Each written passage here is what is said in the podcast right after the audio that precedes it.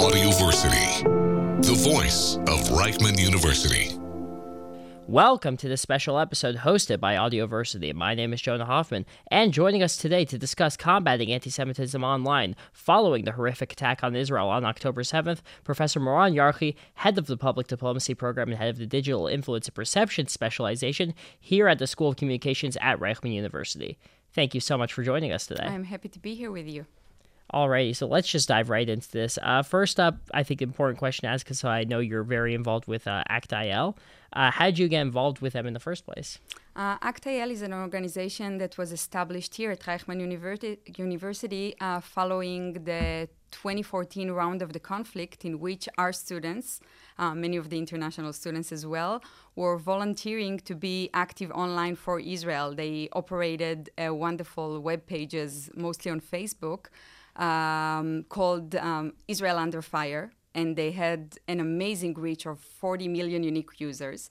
And following this amazing experience, uh, we decided to open an academic program, the Public Diplomacy Program, which is an honor program here at Reichman University. And all of our students are actually interns in ACT-IL, so they learn the theory behind public diplomacy and public diplomacy during conflict, because that is the main challenge for the state of Israel and they get a lot of practical tools. And in ACT-IL, they get practical experience. So on a day-to-day basis, without uh, an active round of the conflict, ACT-IL deals, deals mostly with anti-Semitism, uh, with BDS, with anti-Israeli sentiment online. And whenever, uh, unfortunately, the conflict uh, the conflict uh, rises and and poses a challenge for us as Israelis, ACT-IL turns into a situation room in which all of our volunteers and students are working towards um, presenting the uh, case for Israel in online platforms. Right, that's actually amazing, and I think I actually am in the WhatsApp groups for one of those situation rooms currently operating, and it's amazing to see the work everybody has been doing.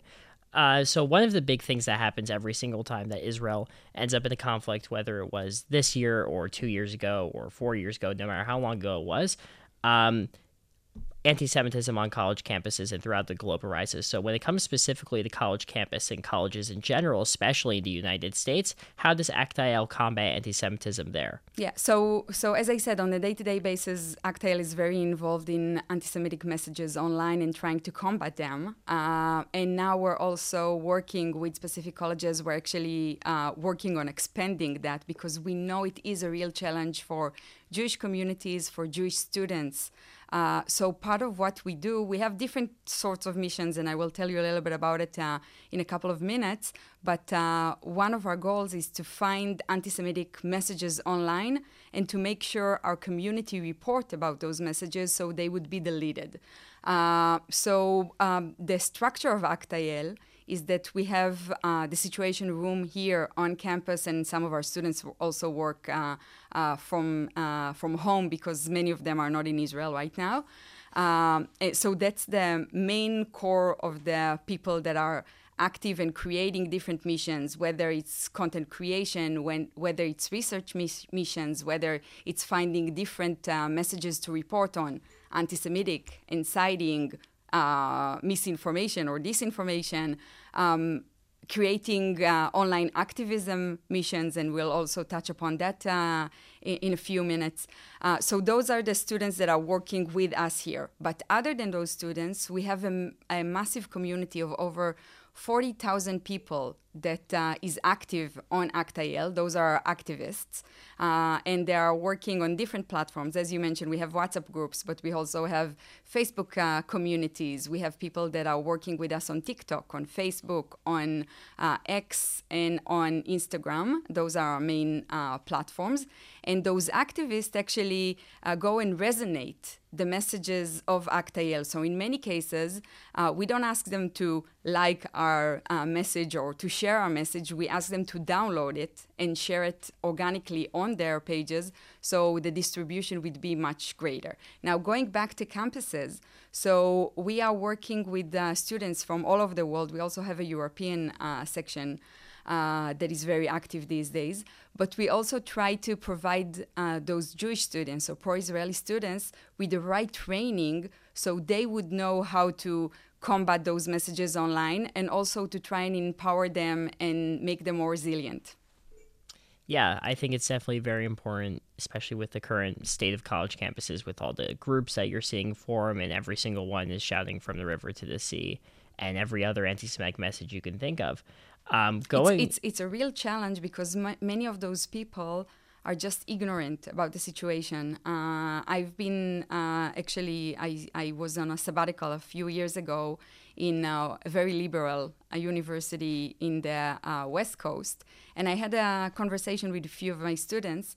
And I think some of it comes from the fact that they don't know the facts and they don't even understand the message from the river to the sea. Mm-hmm. Because when you provide them with a map, and you show them that if, if they're actually rooting for a Palestinian state from the river to the sea, it means that Israel doesn't have a right to exist. And when you point that out, they say, no, no, that, that's not what we meant. We meant two state solution. So then you need to tell them, okay, so rally for two state solution. Don't rally for uh, a Palestinian state from the river to the sea. That's a different situation. Yeah, and when you mentioned showing the map, I've seen a lot of videos of people currently talking about the fact that when you bring them the map, they can't point to what river and to what sea they're actually referring to. Yeah. So sort of going off of that, a lot of influencers, a lot of big influencers that you're seeing, like Bella Hadid and others like that, are sharing these pro Hamas and anti Israel posts online. How do you combat these big influencers who have millions upon millions of followers? That's a challenge, and social media creates a lot of challenges like fake news. Uh, AI now adds new challenges as well uh, because you see pictures and you can't really know if they're uh, fake was created uh, using AI or not. And yet we know that their influence is very massive because when we see something with our own senses, the cognitive impact on us as viewers, because we sense that, uh, is is much wider. But I think that. Uh, Israel also have uh, influencers that are very ac- uh, active and effective. Uh, and we are trying to use them. But when we're looking at social media, and that's a number game, and sadly we can't overcome the number of people that are supporters uh, of of uh, the Palestinian side. But I think that we need to make a very clear distinction. Israel is not fighting Palestine. Israel is not fighting the Palestinian people. Israel is fighting a terror organization that had conducted horrific atrocities against human beings, babies, children, uh, uh, women, elderly people. We see that they're holding babies hostage uh, as we speak right now. Uh, and, and that is exactly the message Israel need to resonate to the international community. And that is the type of work we're, we've been doing in ACT-IL. So if the beginning, very, very similar to other uh, organizations that are trying to make the case for Israel, uh, we were showing uh, some pictures, not the horrific ones, but trying to communicate uh, our grievances. After a few days, we changed the strategy and we shifted to a strategy of identification. We called the What Would You Do strategy. And when you let people from different places around the world imagine themselves in your shoes for a minute, what would you do if it was your baby being held hostage by a terror organization for over a month? What would you do if it was your grandma? What would you do or what would you have done if you were in a music festival and people were shooting at you, where would you run? If you can make those people uh, identify with you, mostly on the basis that we are a liberal uh, democracy with share values to the Western world, uh, then people can try and imagine themselves in your shoes and be more open to hear your arguments. Uh, and I think that is part of uh, part of what we're trying to do, and and I hope that we are successful to some extent. Right. So you mentioned the using the footage and using the images that have come out from the atrocious attack on October seventh. How since then you mentioned that you've sort of taken a step back from using them as much now, and you're focusing more on the sort of personalization of it are you still using them to an extent to sort of convey a message or to try and still make it so it's that human beings and trying to convey that message to the Western liberal democracies that this could happen to you also. Are you trying to mix those two messages? I think we're, we're trying to work on uh, a variety of messages and to create a strategy that uh, that would be effective. Uh, I think that those horrific uh, picture, and we have the um, long video that the IDF spokesperson has been. Um, exposing different influencers, journalists, diplomats, and other influencers too. But uh, but again, they too don't broadcast it to the whole world. I think that is a very effective strategy, because I think that the the average person cannot deal with 47 minutes of atrocities and, and horrific pictures. Uh, and same with shorter videos. I think that people could watch one, maybe two. Later on, they wouldn't even open it, and then uh, then the the impact will dissolve. Uh, but showing it to journalists, for instance, which are influencers, which can share their feelings, which can, it will impact the way that they cover uh, uh, the conflict, is very influential. Or showing it to decision makers is very influential. So I, I truly appreciate the efforts uh, that the IDF spokesperson has done in, in that sense. But I think that civic diplomacy, and, and there are a lot of uh, horrific videos out there, people that want to see those will be able to find them. Although Hamas, that had published many of them in the beginning, is trying to delete many of them now uh, because they claim that uh, that wasn't the attack they had conducted. Uh, but I think that uh, for ACT-IL, that's not the right strategy. Mostly because we're working with a very broad online community that is resonating our message and we also have responsibility towards our community and our viewers so i think that showing some pictures but not the real horrific one is the right strategy for it so, going off of all of these strategies, you have all these different strategies, whether it's personalization of the incident, whether it's the images and showing them. How do you ensure that this content that you're producing reaches as many people across the globe as possible, whether it's in Japan or the United States or India or Great Britain? How do you make sure it reaches all of these different people? Yeah, so we're working on various platforms, as I mentioned. Uh, the most effective one these days is TikTok. Uh, although we should mention that TikTok as a platform is pushing forward pro-Palestinian messages, and, and that needs to be said. Uh, but but we are also able to uh, push forward our narrative uh, on TikTok, but uh, using our communities on various channels and and using their help in in making uh, the message being heard on various um, platforms to different targets in an organic way. We don't use any automation at all. Uh, I think that's that's what makes our uh, message uh, stronger, and and also it reaches broader audiences. We know that we have millions of views uh, to the content we are creating.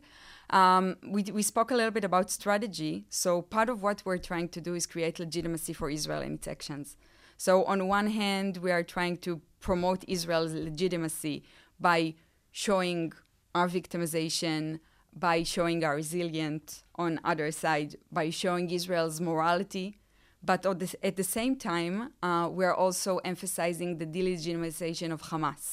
And uh, with messages like their propaganda or, I don't know, psychological warfare these days, uh, and uh, comparing them to ISIS, for instance, uh, and showing mostly that is the most effective one, showing how Hamas actually hurts Palestinians and using the very popular hashtag of Free Gaza, but turning it to Free Gaza from Hamas, uh, is a way to resonate this message. Right. So, one last thing before we go how can people sort of start to get involved in ACT-IL? And start to help spread these messages online? Okay, that's a great question.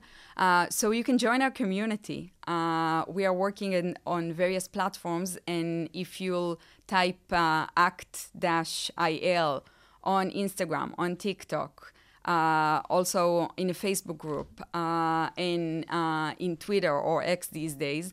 That's a good way of uh, communicating with us and joining our community and being able to resonate our message.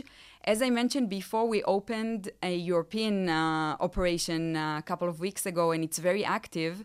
What we're doing there is that we've opened desks in various languages dealing with specific communities. So we have a UK desk so you can search it uh, ACT-IL UK, or a German desk, Spanish desk, Italian desk, uh, French desk. And what I like about those specific uh, missions is that other than broadcasting or, or promoting the general messages that we are working with, we are working on targeting specific audience and working with the Jewish communities of, uh, of those, uh, uh of those uh, societies. Uh, and the fact that we're working with specific audiences, it means that we can actually talk to them while taking their cultural context into, into account. So in the UK, we had a very uh, intense and effective video comparing between uh, Madeleine, the uh, British uh, um, girl that was kidnapped 16 years ago in in Portugal, if I'm not mistaken, and comparing her to the Israeli children that are being held hostage. So when you speak to people, not just in their language, but also in their culture, in things that they can identify with, your message is, uh, is much more effective.